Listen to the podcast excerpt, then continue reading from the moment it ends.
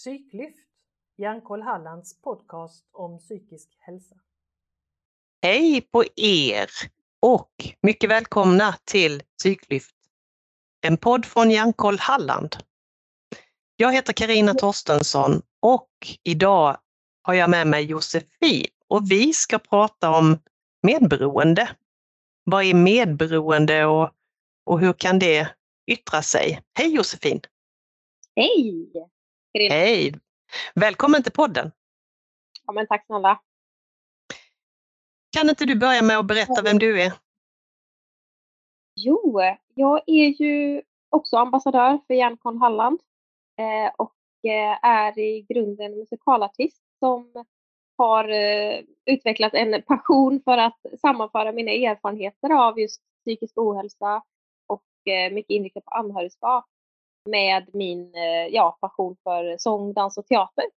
Så jag jobbar mycket med att berätta min historia på det sättet kan man säga. Det är väl lite mm. om mm. mm. Och eh, det här med medberoende, eh, vad har du för erfarenhet av det? Jo, alltså jag, själva begreppet eh, kände jag inte till förrän eh, ja, bara till för några år sedan. Eh, och eh, det gjorde mig väl mer medveten om att det ens fanns någonting som som kan kallas medberoende just i, i förhållande till att man kanske är anhörig till någon som har missbruk eller en sjukdom av något slag. Och jag insåg när jag fick lite mer kunskap om det, om att, att det beteendet kan man säga nog fanns hos mig från väldigt låg ålder. Mm. Att jag upplevde en närståendes sjukdom när jag var ganska ung. Mm. Jag tror att det har följt med mig genom hela livet och präglat mig i väldigt många fall och relationer. Mm. Och fortfarande gör. Hur, sk hur skulle du beskriva medberoende? Går det? Ja, men det är ju, eh, det är ju svårt att definiera exakt och jag är, jag är ingen expert på ämnet mer än mina egna personliga erfarenheter så det är viktigt att diskutera.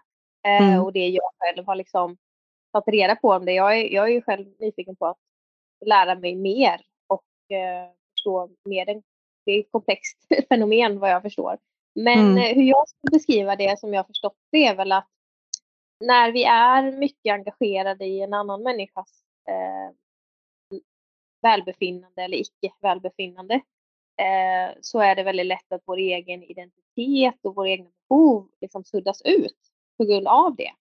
Så att mm. vara medveten är lite att, att man ständigt liksom relaterar till vad andra gör och hur andra mår och liksom anpassar sig beteende efter det, förringar hur man själv mår. Liksom, för att man, man har ett sånt invant anpassningsbeteende och ett sånt invant, invant vilja att hela tiden liksom hjälpa upp och förebygga och liksom bädda för, för andra människor. Men mm. eh, man glömmer sig själv. Mm. Och det är lite vad jag själv liksom har, vad jag tror definierar ett medberoende. Mm. Du sa du, du kände när du lärde dig mer om det här att du hade haft detta med dig sedan väldigt ung ålder, det här, om man kan kalla det för beteendet. Eh, hur mm. började det för dig? Ja, så när jag var 11 så fick min mamma en cancerdiagnos. Och eh, det jag menar med att jag nog blev medberoende tidigt var väl att jag trodde i mig själv att jag hade ett slags ansvar för mammas liv och överlevnad. Och det var väl mm. ett sätt som jag försöka hitta kontroll i en väldigt skrämmande situation. Mm. Och det är klart att jag hade ju inget ansvar egentligen, men jag tog på mig det. Och eh, det gjorde liksom att ja, men hela min värld kretsade kring min mamma och det, det är klart att det gör det när man är liten.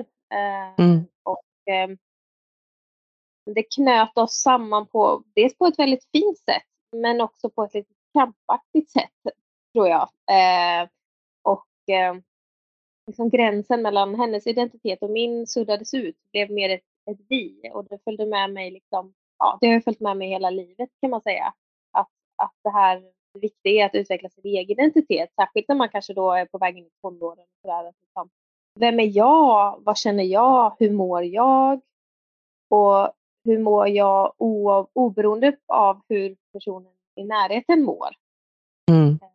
Sen är det självklart att det är inte så lätt att skilja på det, men när det är en person som är allvarligt sjuk så klart att du automatiskt förmodligen mår ganska dåligt på grund av det.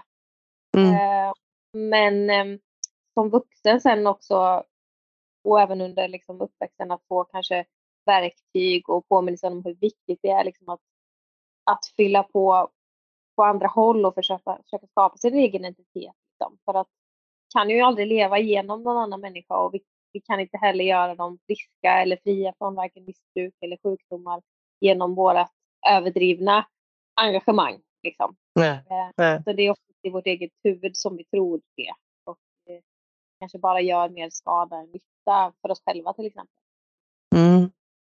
Du, du använde ordet krampaktigt, att det, det för dig närmare tillsammans men också kanske på ett krampaktigt sätt. Kan du berätta vad du menar med krampaktigt? Ja, men lite så att man att man är i en symbios i en relation. Men man är så connectade med kärlek såklart, men också att, att det automatiskt blir så att så här, ja, men om, om du mår dåligt, då måste jag vara stark. Och om du är stark, då kan jag må dåligt. Alltså jag kan se att det har varit ett sånt mönster lite i, i vår relation. Att man, Mm. ja, men man hela tiden liksom präglas av den andras mående. Jag vet inte om jag är otydlig nu, men ehm, ja, att det, det, det, identiteterna lite krampaktigt är så sammankopplade, liksom att man inte särskiljer det. Mm. Eh, och jag menar kanske att en förälders uppgift är ju såklart att finnas där för sitt barn och det är en stor del av ens identitet som förälder, liksom att, att vara förälder just. Mm. Mm. Men som, men som förälder så hoppas jag också, om jag får barn i, i framtiden, att uppmuntra den, den sunda liksom, separationen där av identiteter och att, eh, att barnet liksom får, får lära sig att ja, min främsta uppgift är inte att, att göra min mamma lycklig eller må bra, utan min främsta uppgift är att liksom, hitta en, en trygghet i mig själv och, och skapa min plats i världen. Och när vi, Mm. när vi alla är tryggare i oss själva så kan vi också finnas där bättre för varann. Och Det är liksom ingen annan som... Jag tror inte det är meningen att man ska bära varandra till bristningsgränsen utan man ska finnas där till varandra men, men det, på, en, på ett sunt, sätt. Liksom. Mm. Det Såklart. är väldigt komplext. Ja, men det är ju komplext. Vad, alltså har du, du har ju funderat mycket på det här i, i ditt liv naturligtvis. Och jag undrar ju om, om du har kommit fram till vad det skulle kunna bero på att relationen mellan dig och din mamma blev så här. Ehm. Ja, det är en bra fråga. Jag tänker att det har sitt ursprung i, i en som allvarlig diagnos som gör att det, det kommer in en rädsla där. Man, Mm. man, någonting händer, man blir rädd att förlora den personen. Och jag tänker Mm. att det händer om en person här, har ett missbruk eller blir psykiskt sjuk eller fysiskt sjuk. Då får Mm. man panik och då tänker man det här måste jag, det här måste jag göra någonting åt. Mm. Eh, och det är där det skapas. Nu måste jag ändra mitt liv, jag måste ändra mig själv för att påverka. Och Mm. det tror jag är triggern. Eh, och jag tror att det är en Ja men det är, det är en farlig väg att gå i de flesta fall tror jag. För att det, Mm. dels finns det ju förhoppningsvis professionella människor som kan hjälpa till på olika sätt och göra mycket av det som, som man själv kanske tror att man, att man måste göra. Mm. Eh, Sen kan det ju också vara svårt att få hjälp. Jag tänker till exempel att när det är en fysisk sjukdom så är det på något sätt kanske ibland lite lättare eh, att ha distans för att du vet att personen får hjälp på sjukhus eller vad det nu kan vara. När det gäller psykisk sjukdom, om man inte får rätt hjälp eller får hjälp överhuvudtaget, då, då kan det bli väldigt mycket luddigare enligt mina erfarenheter. Så Mm. Då, då är det ännu viktigare att rycka in liksom, för att ja, men man vill ju förhindra att personen man älskar på något sätt går under eller i värsta fall dör av sin sjukdom. Mm, såklart. Och jag tänker också att det skulle kunna finnas, det skulle kunna finnas en eh, faktor hos den personen som, som är eh, sjuk också. Som, om vi nu säger att vi har medberoende och så har vi någon som är sjuk. Det skulle kunna Mm. finnas en faktor där också eh, som är en personlighet som då säger kanske att du får inte lämna mig nu eller du måste hjälpa mig eller du måste finna, nu har jag ingen annan, du måste finnas här för mig. Så det kan ju också vara någonting som, som är en dynamik i det här eh, utvecklingen utav medberoende naturligtvis. Ja, där sätter du verkligen fingret på något. Alltså den är ju, den är ju, kan ju vara väldigt kraftfull den delen och den spär ju på det, tänker jag. Mm, Att, eh, mm, Jag menar liksom att eh, i egenskap av förälder så är det väl, känner jag att det är väldigt viktigt att försöka se de mönstren för att jag ser det mycket i min närhet också i dynamiken barn och föräldrar även när man växer upp liksom att ja men vad, vad är vad och när ska vi finnas där för varandra? Och är personen som är drabbad då lite i ett läge där den liksom ja men jag, jag behöver det här annars fixar jag inte det här. Då, då är det på något sätt egenansvaret försvinner ju och man lägger det på någon annan. Eh, Mm. och det är väl svårt att se det när man är sjuk såklart. Är man djupt nere i någonting så ser man inte dem. Men det är inte speciellt eh, ja, det är inte speciellt sunt. Men nu bryter jag dig för nu, det, det är lite busljud i bakgrunden där, prassel och, och dunk och sånt. Vill, Ja. vill du ta om det sista, sista du sa? Ehm, ja, det, det enda, hur långt tillbaks? Nej, det var, det var ju egentligen eh, eh, inte, det var egentligen bara den senaste meningen. Så att eh, det var inte, Nej. jag, jag, kör, kör om den sista meningen om du kan. Jag minns nog inte vad det var jag sa. Nej, nej. Och, och jag blev så fokuserad på ljuden så att jag tappade det också. Vi, vi släpper den. Det kommer nog tillbaka. Jag, tror att, jag tror att du redan hade varit inne på detta så vi släpper den. Ja, ja. Jag ska bara notera tiden här. 20. Eh, jag, jag tänker också att det kan vara lite svårt att förstå när man är medberoende. Som du sa, att du, det var egentligen de senaste åren som du har fått mer kunskap om detta och, och när du fick det så, så kände du att det där stämmer in på mig. Alltså, Mm. var, var det då, eller kan du berätta mer om när förstod du att, att medberoende kanske var någonting som du behövde ta tag i? Ja, men jag, lyssnade, jag lyssnade på en podd som heter Medberoendepodden. Eh, och där pratade de ju medberoende ganska mycket i förhållande till just någon i missbruksproblematik. Men de var ju, påpekade också att det här är ju någonting som, som uppstår i, även i andra situationer där det är någon form av sjukdom. Mm. Eh, och varför jag forskade på ämnet var ju för att jag hade väldigt svårt att avgöra hur mycket engagerad jag skulle vara i min mammas sjukdom. Alltså hur mycket jag skulle höra av mig, hur mycket jag skulle hjälpa till på olika sätt. För att jag märkte att hur jag än gjorde, hur mycket kontakt jag än hade eller hur lite kontakt jag än hade, så mådde jag lika dåligt. Det väckte Mm. olika typer av ångest i mig. Mm. Och eh, det var ju då, att leva så under väldigt många år, det är ju en väldigt ohållbar situation. Alltså, jag var väldigt van vid att bara må fruktansvärt dåligt hela tiden. Som ett Mm. resultat av att jag visste att min mamma inte mådde bra. Och jag tänkte att ja men så, så är det ju. Det kommer bara vara så. Jag kommer vara olycklig resten av livet om min mamma är olycklig. Ehm, Mm. och jag, ja det är fortfarande jättejobbigt att vara närstående till någon som inte mår bra men jag tror att man kan jobba på vissa av de här aspekterna, skilja på det med, liksom, med en medvetenhet och kanske inte ensam men man lära sig mer om det. Liksom. Mm. Eh, och det var väl det som motiverade mig. Och alla går ju sin egen väg.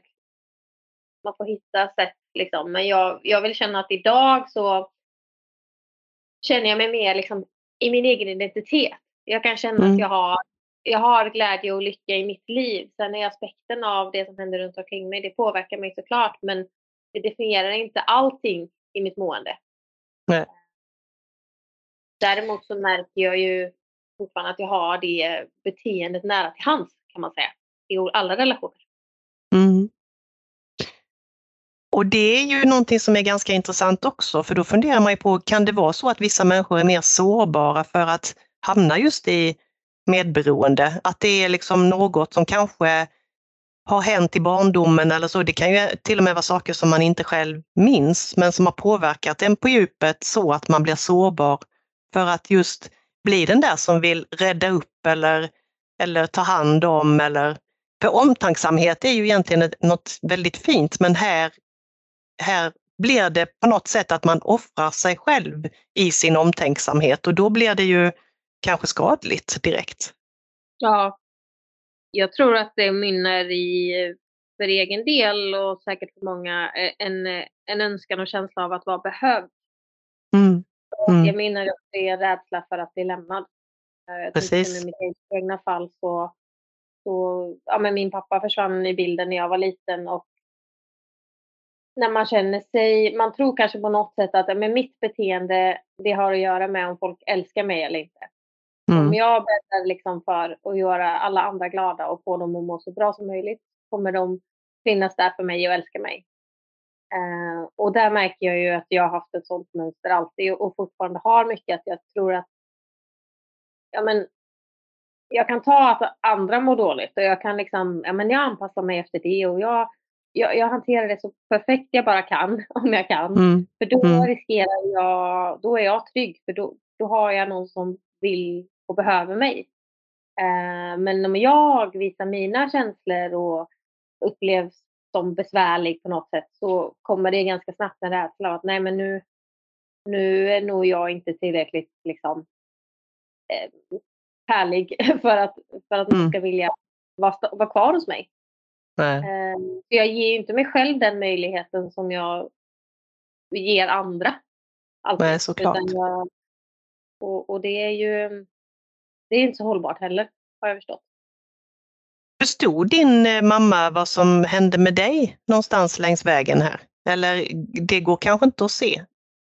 Eh, jo, men när jag var liten så absolut, då var det ju då var det såklart extremt mycket fokus på att jag blev så påverkad. Eh, och mm. kanske i hennes fall som anhörig till mig då blev ju kanske nästan lite bortglömd i den situationen vad hon fick gå igenom liksom, i sin cancersjukdom. Vi hade inte många andra i familjen så att hon kanske inte fick så mycket stöd. Eh, utan hon var ju väldigt mån om att, att jag skulle få stöd i den rädslan jag gick igenom. Mm. Eh, sen har det ju varit eh, mer komplicerat längre upp i åldern när kanske mamma, mamma har varit deprimerad och sådana perioder och där det nog har varit svårare för henne att se det. Det har varit mer skamfyllt. Så jag tror att det har varit en väldigt känslig aspekt.